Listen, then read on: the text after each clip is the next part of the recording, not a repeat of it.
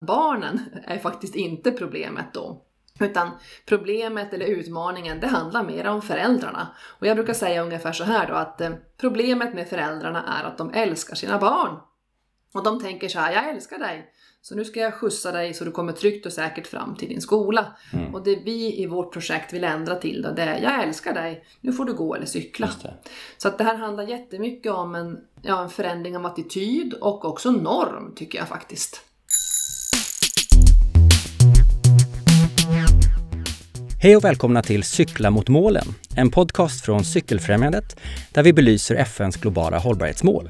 I fyra avsnitt träffar vi fyra olika spännande gäster och pratar om hur cykeln och cykling kan vara med och bidra till målen. Mitt namn är Lars Strömgren och i dagens avsnitt kommer vi träffa Anna-Karin Linkvist. Hon är universitetslektor och forskare på Luleå tekniska universitet. Hennes forskning går i linje med mål 3 för en god hälsa och välbefinnande, mål 4 för en god utbildning för alla och mål 11 för hållbara städer och samhällen. Anna-Karin har bland annat undersökt aktiva skoltransporter och vintercykling, där hon bor och arbetar i norra Sverige.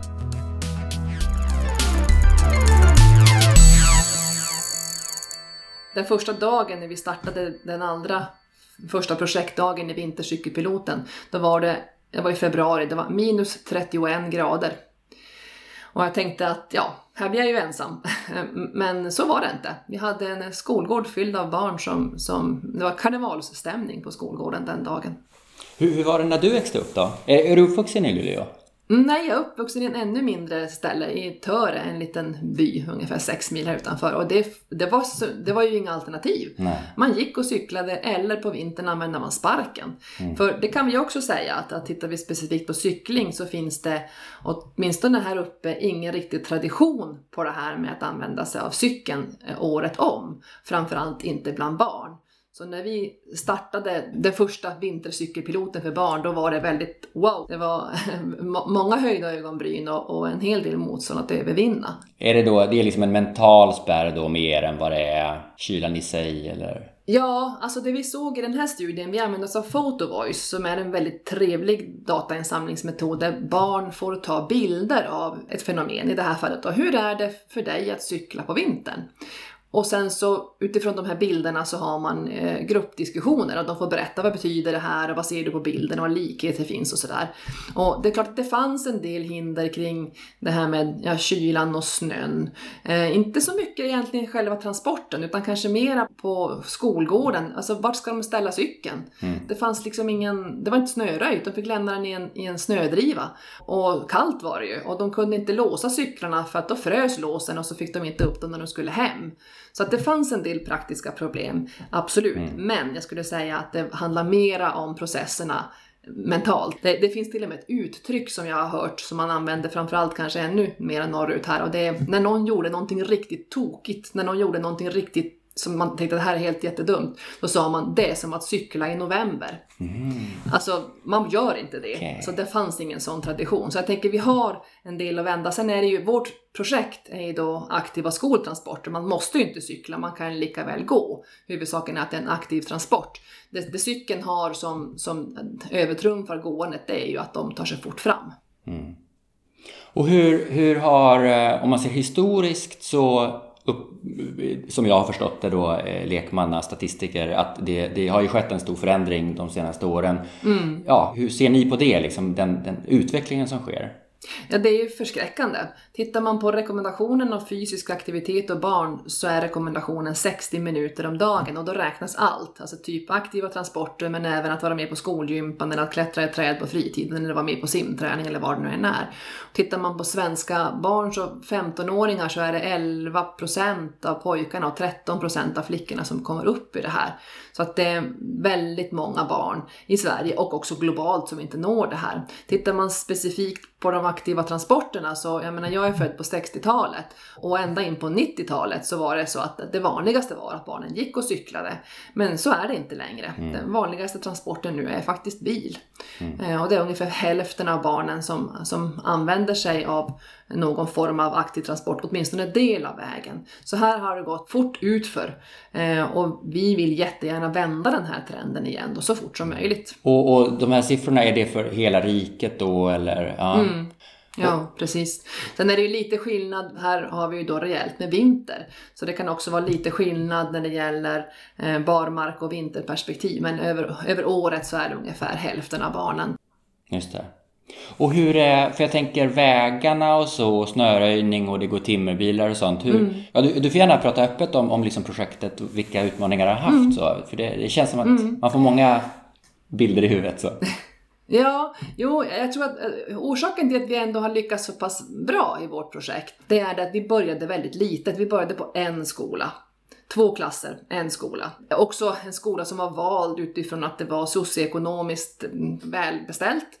Eh, det fanns också eh, rejält med infrastruktur, gång och cykelvägar och så. Och vi började där och lärde oss. Sen i nästa steg så var vi på fem skolor och då valde vi med brått mod skolor med lite andra utmaningar, bland annat då man säger byaskolor med mycket skolskjuts och kanske 70-vägar och annat som, som utmanade. Så att eh, definitivt så finns det, det finns utmaningar kvar här.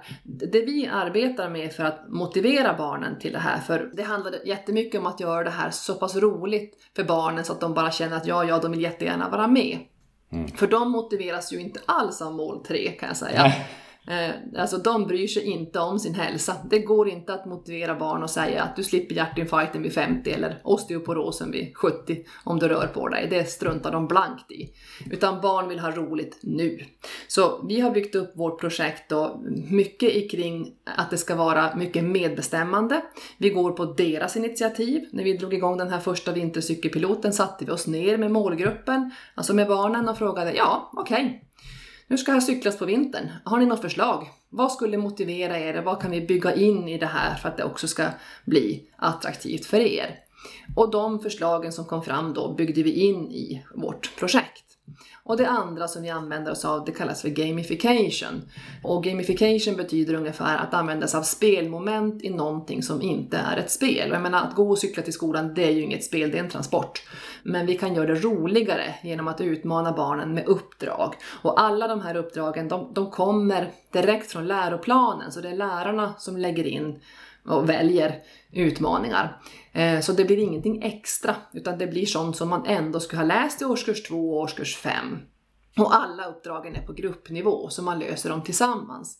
Och om man då av någon anledning inte kan, vill eller får gå och cykla till skolan så finns det alternativ, så man kan ändå bidra till lösningen av uppdraget. Så ingen ska liksom bli ställd utanför, utan vi vill vara inkluderande. Kan du ge något exempel på hur ett uppdrag kan se ut? På uppdrag? Ja. Ehm, de är ju då anpassade efter vilken årskurs man går i. Men om jag tar ett exempel från tvåan, eh, det mest populära, det har varit att faktiskt på sin väg till skolan stanna och plocka med sig lite skräp. Mm. Alltså typ i diket, ta med sig skräp till skolan. Och sen under en lektion, under lektionstid då, så sorterar man det här skräpet i plast och papper och vad det nu är för någonting. Samtidigt som man har ett resonemang om hållbart samhälle och miljö. Och det här tyckte barnen var jätteroligt. Mm. Mm. I matte kan det handla om årskurs två att kanske räkna hur många hundar man möter, hur många andra cyklister man möter och så. I femman kanske det handlar om att mäta distans och tid och beräkna hastighet eller göra enkla hypoteser. Är det fler som cyklar på måndag eller på fredag och vad kan det bero på? Så, så man väver in det man normalt ska läsa i årskurs 2 och 5 blir till uppdrag som sen liksom inkluderas i projektet. Det låter helt fantastiskt. Det är det. Ja. vi är jättenöjda. Och det fina här är att det här har ju inte vi kommit på själva. Mm. Utan det här är ju slutanvändarna, lärarna, föräldrarna och barnen som har varit med och skapat det här. Och då hamnar man också mera rätt. Mm. Det, det, påminner lite när du pratar, det, det, mm, det vad kallas det, marshmallow-experimentet eller kakexperimentet. Du vet det här när man sa till barn att låt bli att äta den här kakan så får du en till om några minuter. Kanske bland barn på liksom ett sätt och bland vuxna också. Fast vuxna är kanske bättre på att hyckla då, så då säger de att de ska göra något och så gör de det inte. Men barnen är ärliga då och de äter kakan direkt. Men i rollen som Cykelfrämjandets ordförande så, så dels kan jag ju själv ibland känna så här Åh nej vad jobbigt när det är sent och man är kvar på jobbet. Så här, nej, orkar jag cykla hem? Nej. Och så, så får jag massa så här kognitiv dissonans när så här, ska jag nu cykla just för att jag är cykelfrämjandets ordförande eller ska jag unna mig att låta bli ibland för att inte framstå som en extremist? Liksom, så att det går massa parallella tankar. Mm. Vad är det man säger? Vägen till helvetet är kantad av goda föresatser. Just det. Det är verkligen så att mm. det är vad man gör i slutändan som har betydelse. Mm, mm. Sen är vi ju komplexa, vi människor. Vi går ju inte bara på, tittar man på, för jag menar jag är fysioterapeut och, och man kanske ska vänta sig att vår forskning mer ska handla om antalet kalorier eller antalet, du förstår, alltså mätt eller sådär. Mm. Mm. Men, men för oss blir det ju mera faktiskt psykologi och motivationsteorier som vi tittar på. Mm. Och där finns det ju ett flertal som man kan luta sig mot. En, en som vi tycker har liksom stämt in i våra fynd, det är Festinger, en gammal teori från 50-talet. Och, och, han säger ungefär så här att man, ja men normalt sett så brukar man tänka att eh, man har en värdering och en attityd och det yttrar sig i ett beteende. Och vill man ändra människors beteende så måste man ändra deras värderingar och attityder. Först kommer liksom, först då händer något beteendet. Men Festinger säger att man kan gå från andra hållet faktiskt. Mm, eh, och jag tror att det är lite grann det vi har mm, åstadkommit mm, mm. i vårt projekt. För vi hamrar inte på på föräldrarna. Jag sa att det Nej. var de som var, om man säger, utmaningen. Och, och, det är också så här, det är föräldrarnas oro. Och vi vet mm. att det finns en upplevd oro, eller en upplevd risk. Och så finns det en faktisk risk. Mm, och faktum är ju att det har aldrig varit så tryggt för, för, i trafiken som det är nu. Men föräldrar har aldrig varit så oroliga. Exakt. Så det här stämmer inte överens. Och då skulle man ju kunna gå på och försöka övertyga med hjälp av statistik och visa på liksom hur liten risken är. Och, och både för trafikolyckor och det här med stranger danger som är då fara nummer två som föräldrar ser. Vad sa du, vad var det då? Str stranger danger, alltså att det kommer någon, någon, någon otäck annan person och vill mm. skada mitt barn mm. och så. Det förekommer ju men det är så ohyggligt ovanligt, tack och lov. Mm. Så, att, så att det liksom statistiskt nästan inte går att visa. Mm. Men det mm. är ingen idé. För Föräldern måste uppleva ja. att det är tryggt och att det här är det bästa. Annars blir det inte. Så det vi har gjort istället är att vi har gjort vårt projekt så roligt för barnen. Mm.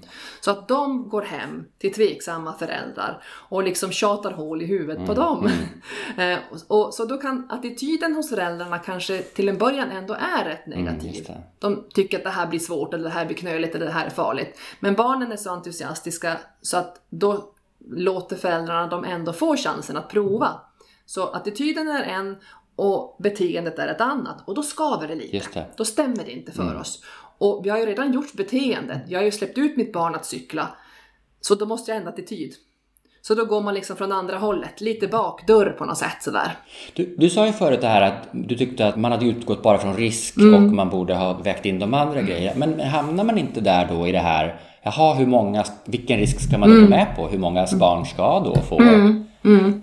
Eh, ja. Blir det inte... Mm. Alltså, jag är jättedålig, och nu är jag ärlig på det här med att tänka i risk. För en av de allra största eh, grundplåtarna som vi har i vårt forskningsprojekt, det är den promotiva tanken.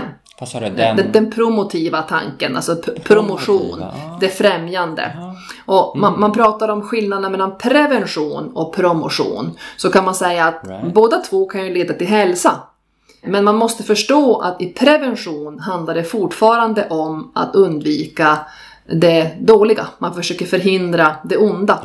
Medan man i promotion försöker stärka det goda. Och, och det här är jätteviktigt därför att eh, ta i vårt projekt då, så, så eh, många med min bakgrund pratar om tekniken och skärmtid och så som boven i dramat. Och det är absolut som så att barns skärmtid har ökat och att det här är ett bekymmer. Men vi har valt att inte ta striden mot tekniken utan istället försöka fundera på kan man konstruera ett spel som faktiskt eh, eh, främjar deras fysiska aktivitet. Ja, men vi har Pokémon Go som vi gjorde en studie på för ett par år sedan som, som verkligen slog igenom och, och, och sånt där man kan lära sig mycket av. Det andra är att vi jobbar inte mot föräldrar som skjutsar, vi jobbar för barn som går och cyklar. Så vi är, vi, vi är så skolade i, eller så inriktade i vårt projekt att verkligen titta på fördelar och hur kan man boosta dem och tänker väldigt lite risk. Så jag, jag tänker att vi har mer att vinna på att eh, lyfta fram den här promotiva tanken. Hur kan mm, vi mm. boosta det positiva? Men det är väl media också, att det, mm. det är varje, vartannat år får jag vara med i media och säga att cykling är bra. Och ja. sen tio gånger får jag vara med och säga, kommentera någon olycka eller någon fara. Ja, alltså, så mm, det... det... är ju så. Det är ju så, det är som skillnaden här som vi sa då mellan upplevd risk och faktisk risk. Och tittar man på hur verkligheten är hur vi tror att verkligheten är och vad media rapporterar om verkligheten, det är tre helt olika saker.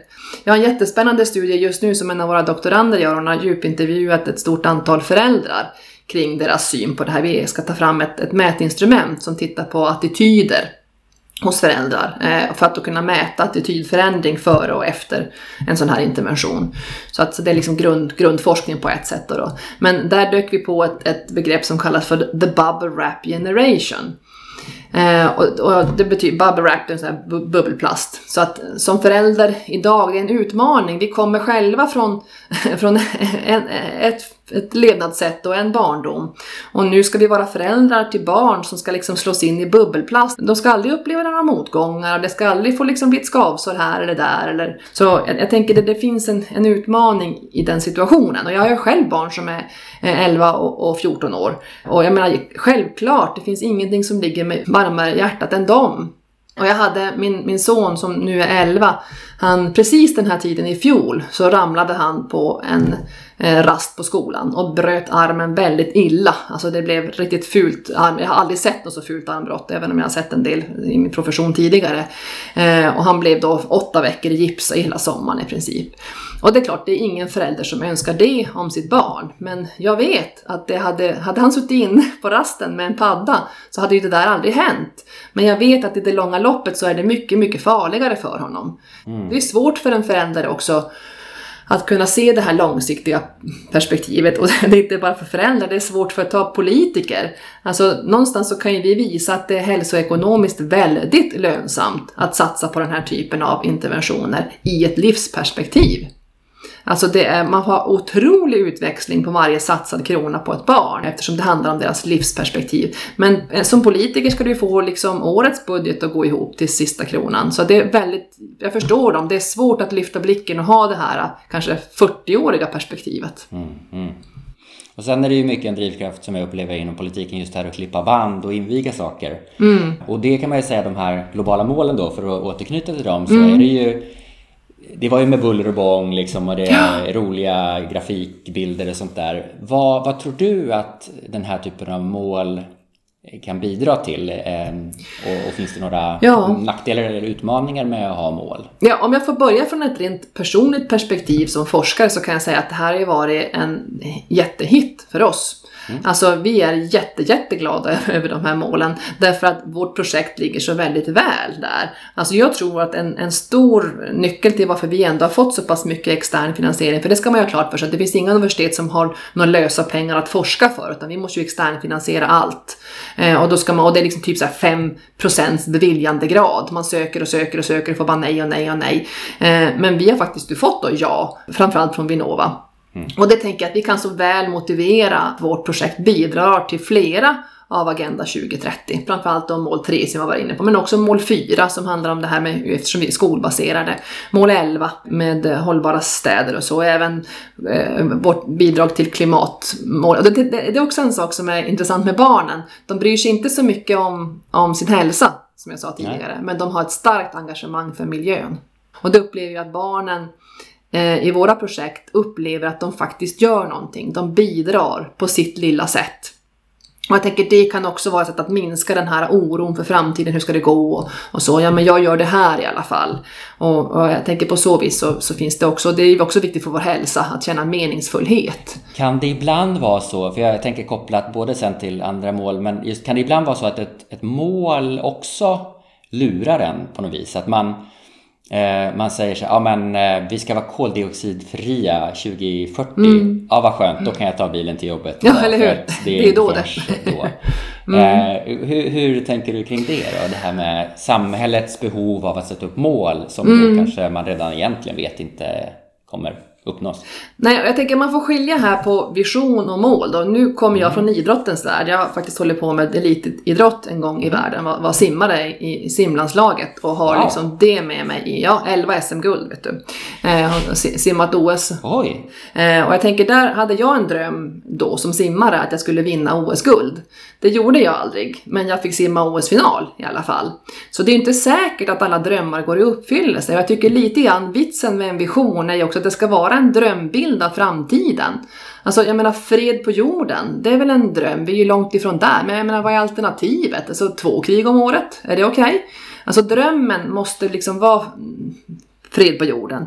Trafikverkets eh, vision, nollvisionen, det, det, måste vara noll även om både du och jag och alla andra fattar att dit kommer vi aldrig. Det dog folk på hästkärrornas tid. Men menar, man kan inte ha en vision som säger ja, 50 döda, ja vilka då?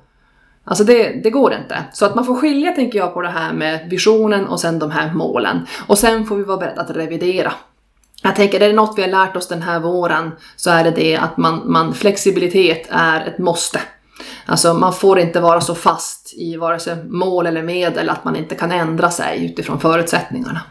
Jag är inte jätteexpert på, på nollvisionen och det, men, men det vi har kikat på lite grann det är att det florerar någon typ av um, rekommendation att man ska vara 12 år som barn innan man ska få cykla fritt i trafiken. Och, och det där, jag ska säga ärligt, vi hade inte en aning om att den rekommendationen fanns. När vi startade med vårt projekt så började vi med barn som gick i ettan, de var alltså sju. Och jag var liksom oops, när vi insåg att här fanns det andra rekommendationer. Men, men de barnen överlevde, om jag så säger. Och, och vi, vi tittar på det här nu, för den, den är förlegad. Och Trivector har kommit med en utmärkt rapport för några år sedan. Och där, man, där man säger att de tittat internationellt och nationellt och liksom verkligen gått till botten med det här. Och, och den är helt byggd utifrån risk. Det finns inga alltså, som helst inväganden om vilka fördelar kan det finnas med barns fria mobilitet. Alltså vad gör det för hälsan? Vad gör det för, för liksom deras personliga mognad, att ta ansvar och, och, och på, alltså på så vis. Så, så vi vill gärna se över den här och slutsatsen som man kom till i rapporten tycker jag att vi ska försöka tränga igenom så den också blir verkstad. För det är nämligen det att det går inte att säga. Man ska akta sig för att säga en viss ålder. Det beror på kontexten och det beror på mm. barnet. Ja, spännande. Um, vi ska runda av strax tänkte jag, men det vore spännande. Uh, nu vet ju inte vi exakt vilka som kommer lyssna på det här. Det är väl antagligen många som är cykelbitna redan och, och gillar oss. Men mm. har du några liksom, om man är uh, ja, nu vet jag inte exakt vilka åldrar folk är som lyssnar på podd, men har du några tips så här, hur, antingen hur man kan själv tänka som individ eller kanske som förälder om man vill skapa rätt förutsättningar för att ta hand om sin egen hälsa på ett bättre sätt? Mm. Ja, om jag tänker utifrån mig själv som förälder så, så tänker jag att man kan i mångt och mycket vara en förebild. Och vi var ju inne på det här lite grann tidigare eh, när det gäller eh, ja, att vara en förebild, ska man vara sanningsenlig och sådär, det ska man absolut. Och vi har gjort en annan studie som handlar om grit. Och grit betyder ungefär det här förmågan att långsiktigt hålla fast vid en målsättning fast man stöter på hinder. Eh, och jag tänker det ligger också lite i den här bubble wrap historien, eh, att det faktiskt inte är så dåligt för barn att faktiskt få kämpa på lite grann ibland. Och Angela Duckworth som är den som har framförallt jobbat med konceptet grit, hon, hon, hon gav ett råd en gång och det var ungefär så här då, om du vill hjälpa ditt barn till mera grit eh, hur ska du göra? Ja, var en god förebild genom att också berätta att det ibland går tungt. Eh, ungefär som det du var inne på här, det finns dagar när man faktiskt inte har lust att cykla och det faktiskt är riktigt jobbigt eller det tar emot. Säg det! Så jag märkte att jag började prata med mina barn på ett annat sätt. Eh, vi har alltid gjort tacksamhetsdagbok på kvällarna. Mm. Och då får man säga tre saker man är tacksam för och det gör vi fortfarande. Men jag la till det här att, jag också berättade om ja, motgångar som jag hade upplevt i jobbet. Att jag kanske hade sökt den här av eh, forskningsansökan och vi fick det inte, jag är så besviken och så. Men nu ska vi göra ett nytt försök med det här istället. Så jag tänker att, att någonstans vara en god förebild, inte bara som framgångskoncept, liksom, utan också vara ärlig med att ibland är det uppförsbacke, ibland är det motvind. Eh, men, men man kan komma vidare ändå. Vad roligt. Jag tror jag ska börja med det. Och i kvällens tacksamhetsdagbok så skulle jag i sådana fall skriva att jag är väldigt tacksam att du, Anna-Karin, ville vara med i det här eh, avsnittet av Cykelfrämjandets podd Cykla mot målen. Tack så mycket för inbjudan. Det var väldigt trevligt att få prata om det här med dig. Vad roligt. Tack. Hej. Tack och hej.